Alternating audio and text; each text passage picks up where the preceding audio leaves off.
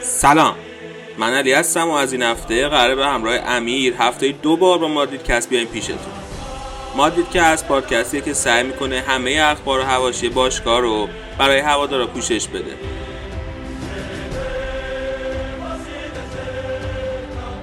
امیر بیا سلام کن و به همه بگو که مادرید کس رو از کجا میشه شنید. سلام علی خیلی خوشحالم که از این هفته مادرید کست رو بالاخره شروع کردیم. مادرید کست رو میشه الان از روی SoundCloud Google Podcast ناملیک و تلگرام شنید. داریم روی feed پادکستمون کار می‌کنیم که ایشالا از هفته دیگه بشه از همه app های پادکستی مادرید کست رو شنید. روی Spotify هم میشه شنید درسته؟ آره آره روی Spotify هم هستیم خب ال کلاسیکو چطور بود؟ والا برای امسالمون بد نبود به نسبت بازی قبلی تو راضی بودی؟ من از بازی به نسبت راضی بودم اما خب نتیجه اصلا نتیجه خوبی نبود دیگه حالا به نظرم بریم ببینیم توی بازی چه خبر بوده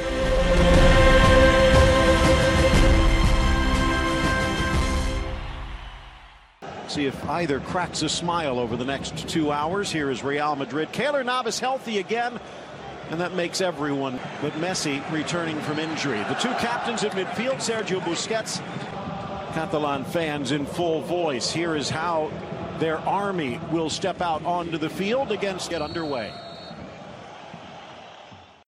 Vinicius sends it across. Benzema settles, drops, touched home. Vasquez with the opener just five minutes in. Again, beautiful football from Real Madrid. It's cutting, it's penetrative, it's accurate. And it all starts out with Vinicius. The rebound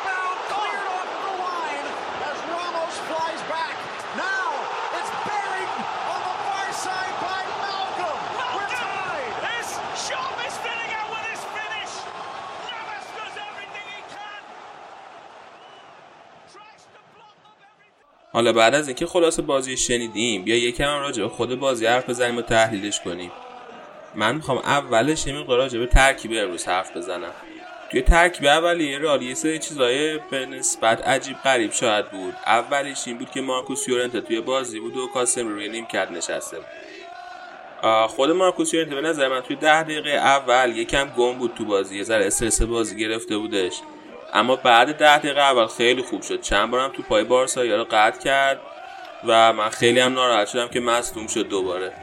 خیلی من مارکوس یورنته رو دوست دارم. واقعا خیلی هم خوب بازی کرد. انتخاب درستی هم بود برای بازی امروز. کاسمیرو که جاش اومد یه توپی خیلی بد لو داد به مسی. خدا کنه که مصدومیتش جدی نباشه. یه نکته دیگه هم وینگرامون بودن که سه تا option واسهشون داشتیم. لوکاس واسکس و وینیسیوس و بیل لوکاس واسکس تقریبا fix بودنش قطعی بود از اول چون که سولاری معلوم بود که دوست داره جوردی آلبا رو توی چپ بارسا مهار کنه. واسه همین مجبور بود که لوکاس واسکسی که خب خیلی توی دفاع شرکت می‌کنه و برمیگرده عقب و توی راست رئال بازی بده. که خب به نسبت خیلی هم موفق بود. لوکاس واسکس تقریبا توی همه بازی موفق شد که این کار رو انجام بده. خب بین ونیسیوس و بیلم سولاری ونیسیوس انتخاب کرده بود که خب به نظر من تصمیم درستی بود.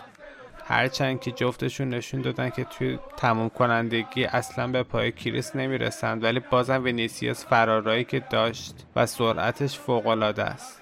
فقط خیلی جوونه هنوز. نظر تو راجع به ونیسیوس چیه؟ آره دقیقا می‌خواستم همینو بگم. وینیسیوس به نظرم خیلی نقاط روشن تاریکی داشت توی بازی. راجبه خوبی های وینیسیوس اینه که خیلی سریع میدوه خیلی پر انرژیه خیلی سریع جا به جا میشه. بعد اینکه به عنوان یه بازی کنی که فقط 18 سالشه خیلی خیلی خوب و با روحیه. توی نیوکمپ بازی کرد روحیه خیلی قوی داشت. اصلا نمیترسید از بازی کردن جلوی مثلا سوپر استارهای بارسا. و توپم که از دست می‌داد از همون جلو خیلی خوب پرس می‌کرد بازیکنهای بارسا رو. اما ضعفش رو که گفتی دیگه یکی اینکه خیلی تمام کنندگیش خوب نیست ضربه آخر رو خوب نمی‌زنه.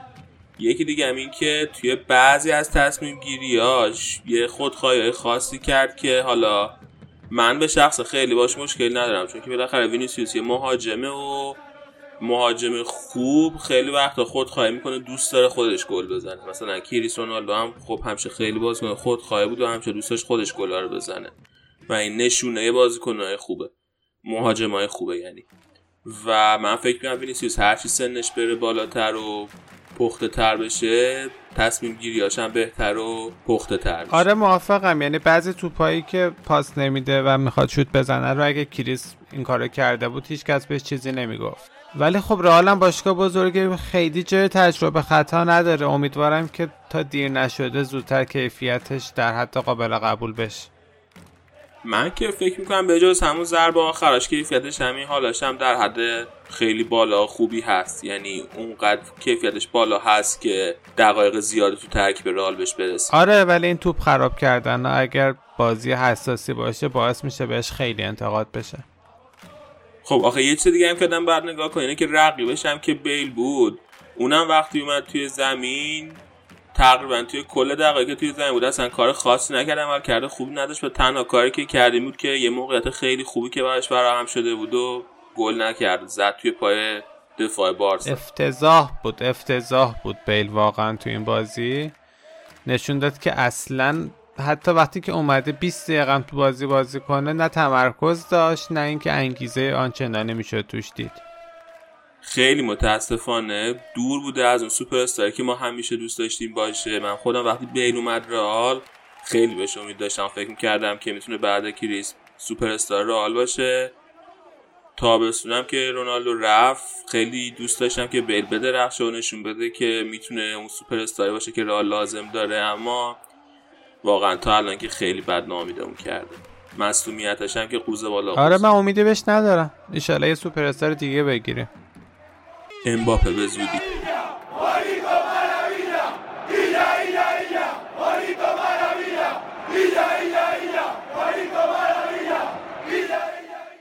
نواسا چطوری؟ نواسا هم به نظر من خیلی خوب بود. اون تک به تکی که از مالکوم گرفت هرچند که آفساید بود اما یعنی آفساید گرفتار اما خب آفساید اشتباهی بود. اگه گل می‌شد مطمئنا وار قبول می‌کرد گل آره تو کل بازی خیلی خوب بازی کرد ولی تو صحنه گل به نظر من مقصر بود. لزومی نداشت بیاد از دروازه بیرون. هنوز مهاجمشون با دروازه فاصله خیلی زیادی داشت و مدافع احتمالا می‌رسیدن.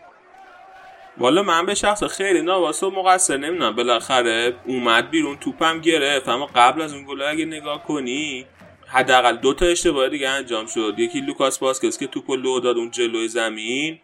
و اشتباه بعدم که خیلی اشتباه بدی بوده. اشتباه مسخره کارواخال بود که فکر می‌تونه توپو بزنه اما نتونست توپو بزنه و بعدش هم خیلی ما بد شانسی گل خوردیم. یعنی توپ خورد به تیر و اگه توپ به تیر نمی‌خورد یا بیرون می‌رفت یا اینکه راموس که همونجا بود می‌تونست توپو بزنه دورش کنه. اما خورد به تیر و ریباندش و مالکوم کرد. خیلی بارسا خوش شانسن از نظر. قشنگ توپ یه جوری خورد به تیر که بعدم افتاد جلو پای مالکوم. قشنگ ممکن بود هزار تا اتفاق دیگه بیفته و اون توپ گل نشه. آره دقیقا.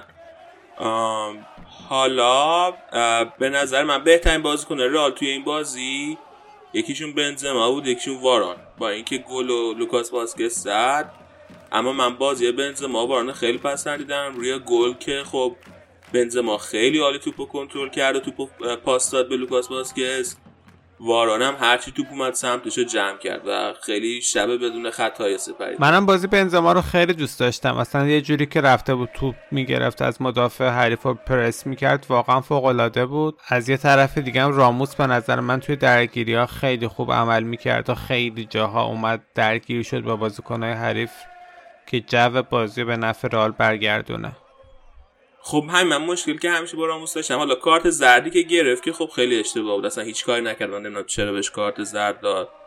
اما توی دو سه تا صحنه خشم بود خیلی و ممکن بود کارت بگیره و دست تیم تو حنا بذاره و راموس مثلا سابقه خوبی از این نظر نداره. من هی نگرم بودم که نکنه توی بازی اخراج خب آره دیگه. حالا شاید چون کار سرد اولو بهش بیخودی داد باش مماشات کرد. ولی خب نمیشه. به نظر من همیشه باید یکی از مدافعا بره درگیر بشه. دوتا دوتا مدافع وسط مثل واران یه تیم داشته باشه.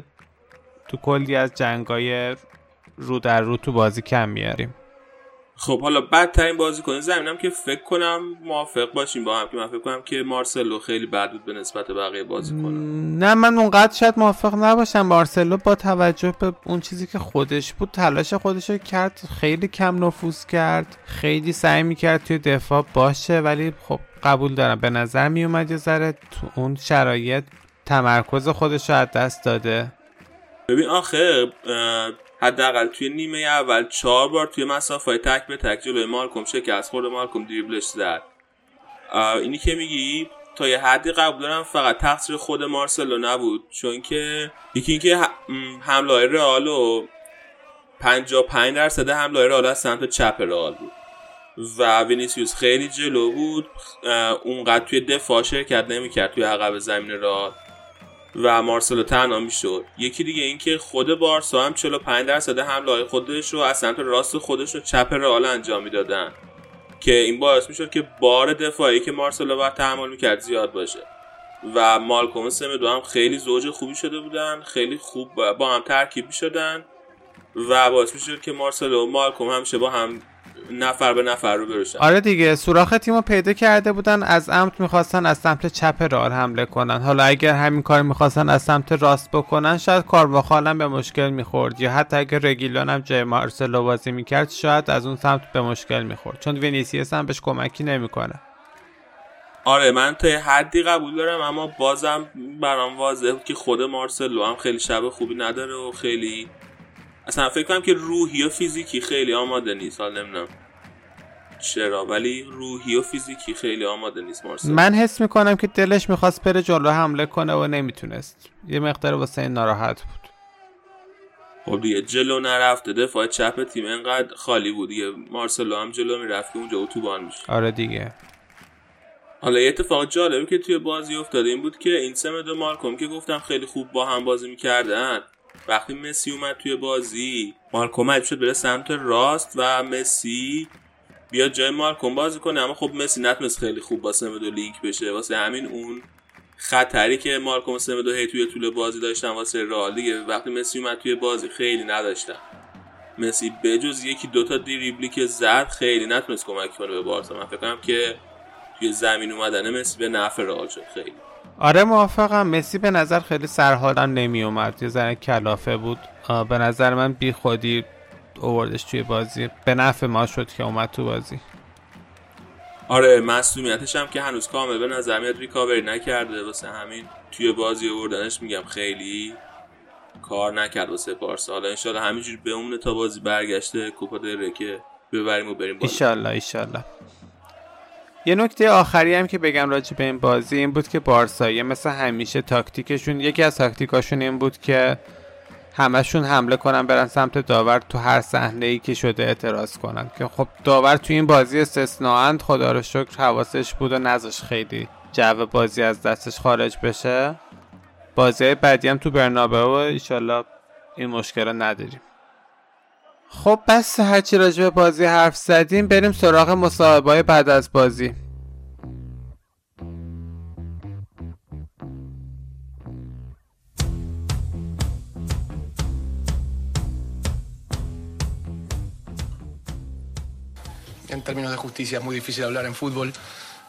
خیلی سخته که در مورد عدالت توی فوتبال صحبت کنیم. ما به وضوح شانسهای خودمون داشتیم. توی هر دو نیمه. وینیسیوس و گرت بیل و تونی کروز شانس داشتن. و به طور کل بازی خیلی سطح بالا بود. نه تنها برای ما که کارمون اینه که برای همه طرفدارا. مقایسه کردن بین بازیکنها همیشه سخته. امروز یه دسته از بازیکنها داشتیم که با جدیت تلاش کردن. این نتیجه باعث میشه تو بازی برگشت. هر اتفاقی ممکن باشه. مارسلو کاپیتان دوم ماه و همیشه یه الگو بوده. ما تلاش می‌کنیم تا همه تو بهترین سطح باشن. وینیسیوس من متعجب نکرد. چون از وقتی اونو می‌شناسم از بازیش متعجب نشدم. اما به طور کلی عجیبه که یه بازیکن 18 ساله اینجوری بازی کنه. انقدر سطح بالا. Muchas gracias. Gracias. Hasta luego.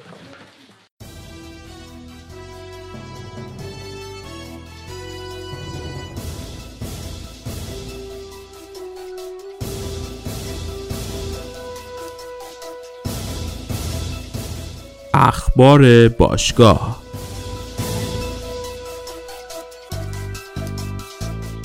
خبر اول اینکه آزارد تصمیم خودش گرفته و گفته که تصمیمش برای ترک چلسی یا موندن توی این تیمو به زودی و توی یه زمان مناسب اعلام می‌کنه.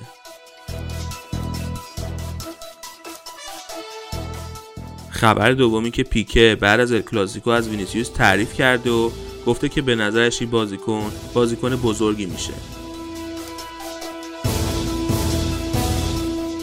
خبر سومی که بوتراگوئنو گفته براش عجیبه که چرا برای هر دوتا بازی رفت و برگشت رال کمتر از بارسا استراحت می‌کنه.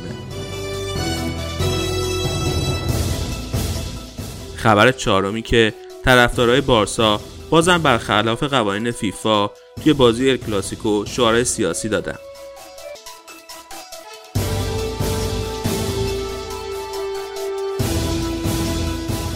خبر پنجم این که گودین و ساول به دربی مادرید می‌رسن ولی هنوز حضور کوکه معلوم نیست.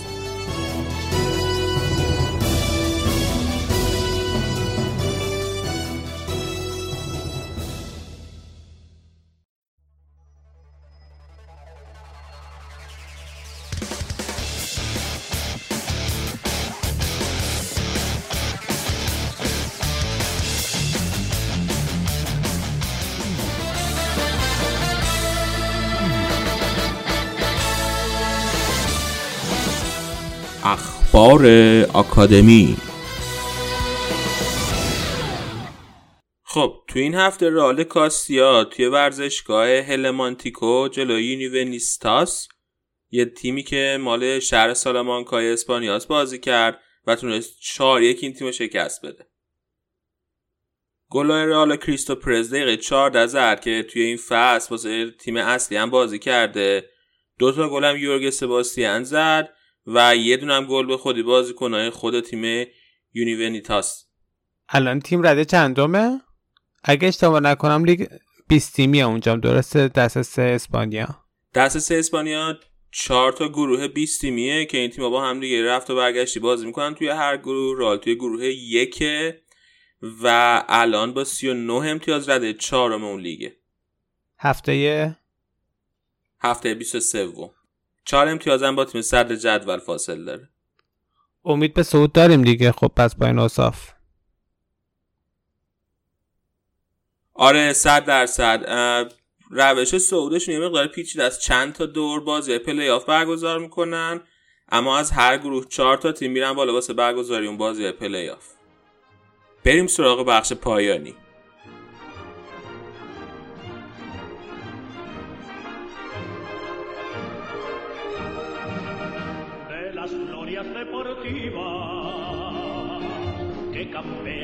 España.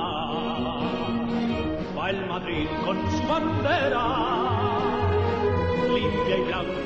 اپیزود اول مادریدکست تموم شد. پادکستی برای همه مادریست های فارسی زبان. بنابراین این پادکست رو به دوستای رالیتون معرفی کنید.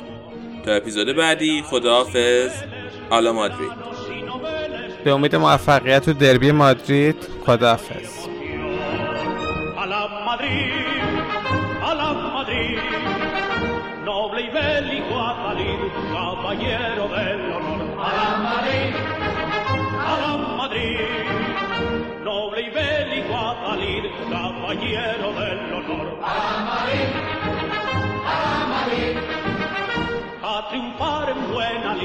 defendiendo tu color. A la Madrid, a la Madrid, a la Madrid. A la Madrid, a la Madrid. No vengáis Guadalí, caballero del honor. A la Madrid, a la Madrid. A triunfar en buena lid, defendiendo tu color. A la Madrid, a la Madrid, a la Madrid.